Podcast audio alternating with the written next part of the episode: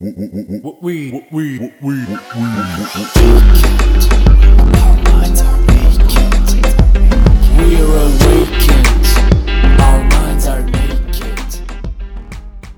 svima, ja sam Martina Đokić, a vi slušate podcast Mentalni nudista.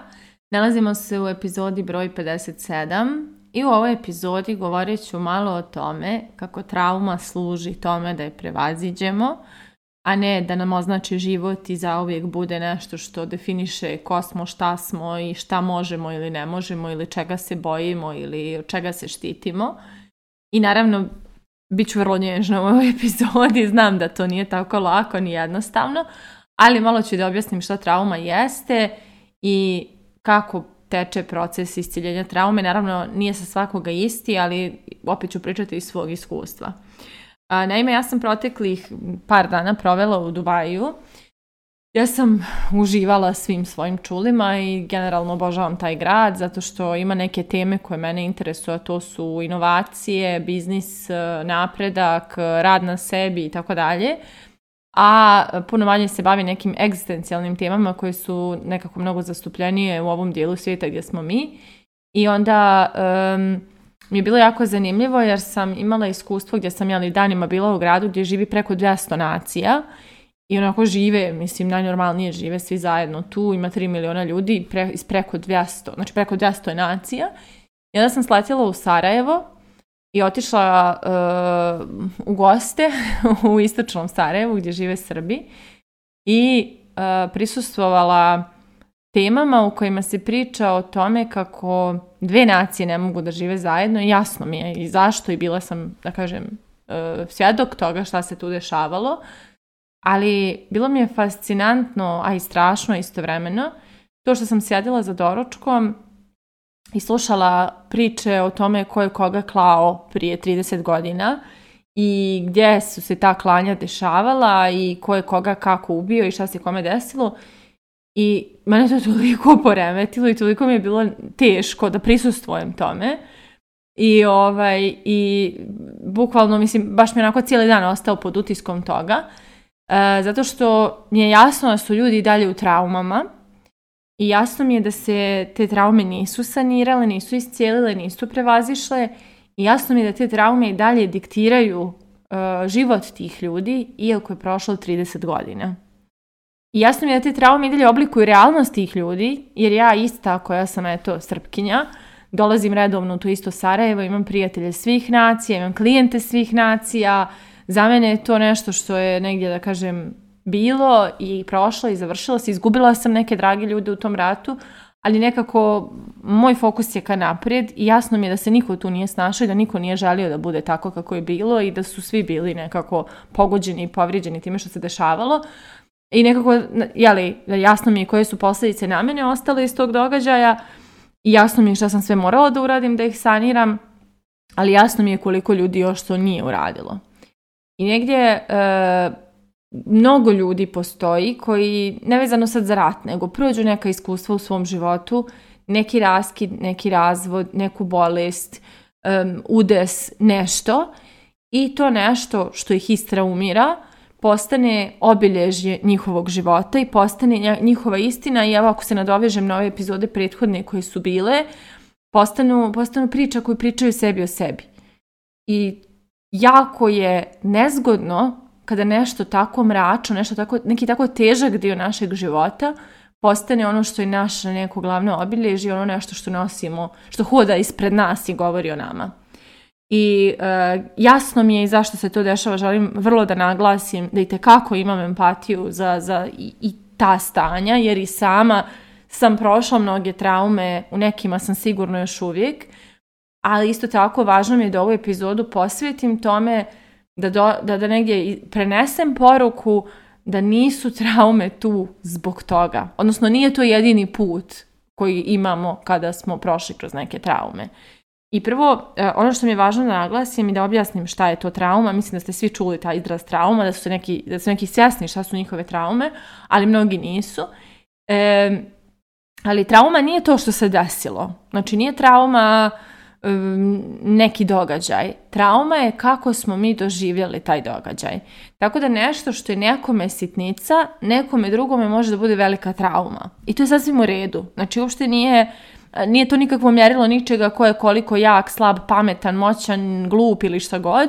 Prosto određene stvari u određenom trenutku našeg života su bile iznad naših kapaciteta tadašnjih i bile su, da kažem, preplavljajuće i donijele su nam e, perspektivu koja nam je bila strašna i, i, i tragična i teška i onako označila nas je na neki način i samim tim to je postala neka naša trauma koja i kako živi sada s nama i kako diktira to kako ćemo mi i dan danas da reagujemo na određene stvari i kako ćemo da donosimo određene odluke. Jer kad neko ima neku traumu, on će često i odluke da oblikuje u skladu s tim da izbjegne e, situaciju koja će tu njegovu traumu da dotakne ili, ili da kažem na neki način istrigeruje ili kako god. Tako da, e, eto prvo to da objasnim. Drugo, e, kao što rekoh, mi svi imamo traume, imamo i transgeneracijske traume. Što to znači? Evo ja sam žena na Balkanu, ja nosim traume koje nosi moja majka i nosim traume koje nosi moja baka i moje pretkinje, zato što ono što, za što one nisu imale dozvole i ono što je njih definisalo i ono što je njima rušilo granice je vaspitanjem prenošeno dalje sve do mene. Znači, mene moja majka i dan danas uči da je ok da ja kršim svoje granice samo da budem u braku. Znači da je ok da ja udam se za bilo koga, samo da ja budem u braku. Meni je ovaj rad na sebi koji sam sprovela pomogao da ipak opipam svoje granice, čujem ih i odlučim da kreiram život u skladu s njima. Ali da sam se ja držala svojih svog vaspitanja i uvjerenja koje nosim iz porodice, ja bih živjela i transgeneracijske traume moje porodice. I znači negdje, eh, kako kažem,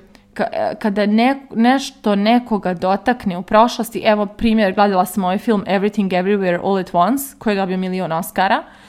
osam, sedam, ne znam nija, ali cijela pojenta je, ne znam, otac je želio da ima sina, taj kinez, ja mislim da je, da, ne, da se, ono, kinez, tajvanac, ne znam šta je kinez, ja mislim, da, kineska je porodica, tu da ima sina, dobio je čerku, to je iskreiralo njegov, njegovo razočarenje što nije sin i on se s tim razočarenjem čitav život odnosio prema toj čerci, čerki, a onda je ona čitav život posvetila tome da pokuša da bude dobra svom ocu, ali time postala jako emotivno sakaćena da bude dobra majka svom djetetu. Zato što nije imala eh, uzor kako se biva dobar roditelj i kako se voli dijete, jer je ona bila nevoljeno dijete. I to je doslovno kako neka transgeneracijska trauma funkcioniše.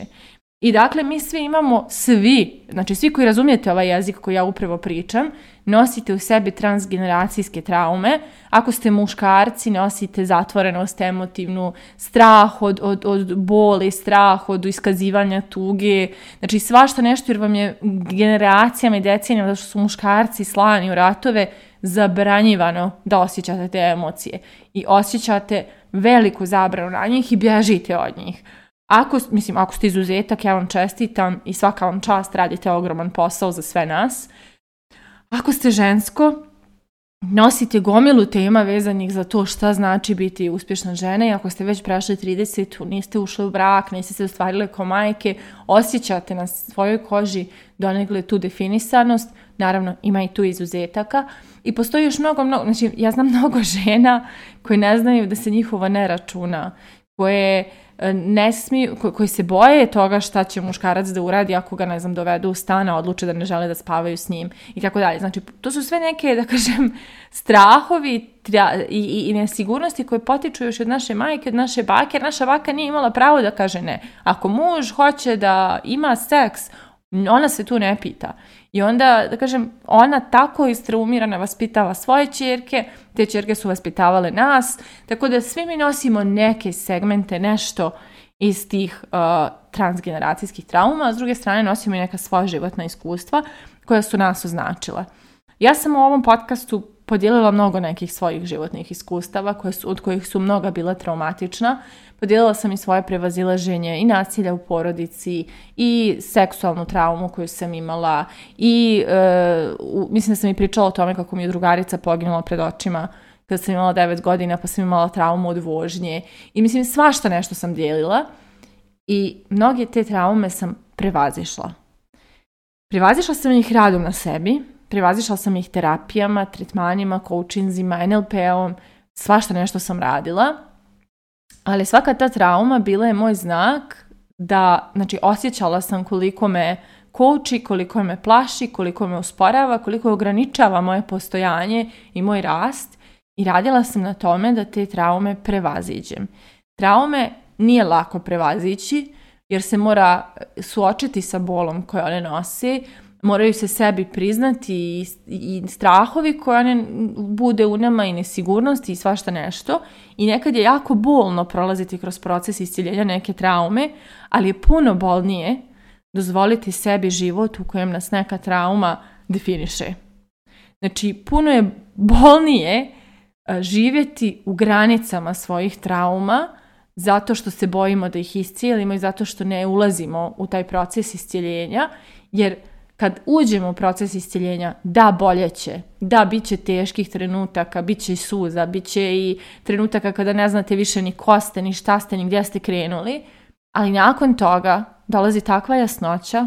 takvo veće samopouzdanje, takva veća sigurnost u svoje kapacitete, takva veća mudrost kad je u pitanju život,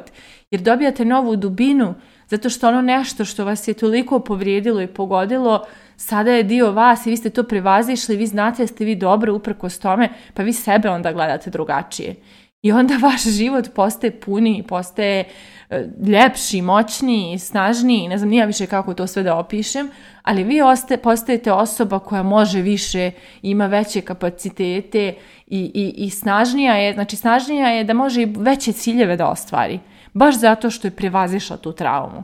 E tako u idealnom svijetu stvari funkcionišu i jasno mi je da za neke traume možda nije ni trenutak, nije ni vrijeme i nemate možda ni kapacitet da se suočavate s njima i to je u redu, ali postoje one neke za koje itekako imate kapacitet, a koje u ovom trenutku debelo definišu vaš odnos prema životu, sebi, svojim ciljevima i tako dalje. I traume ne služe da sjedimo u njima, one ne služe tu da nas ograniče i da budemo tu i zauvijek, da kažem, poštujemo šta te traume dozvoljavaju i ne dozvoljavaju one služe tome da mi otkrijemo neke svoje nove potencijale i da negdje mudriji, stabilniji, moćniji, jači idemo dalje kroz ovaj život.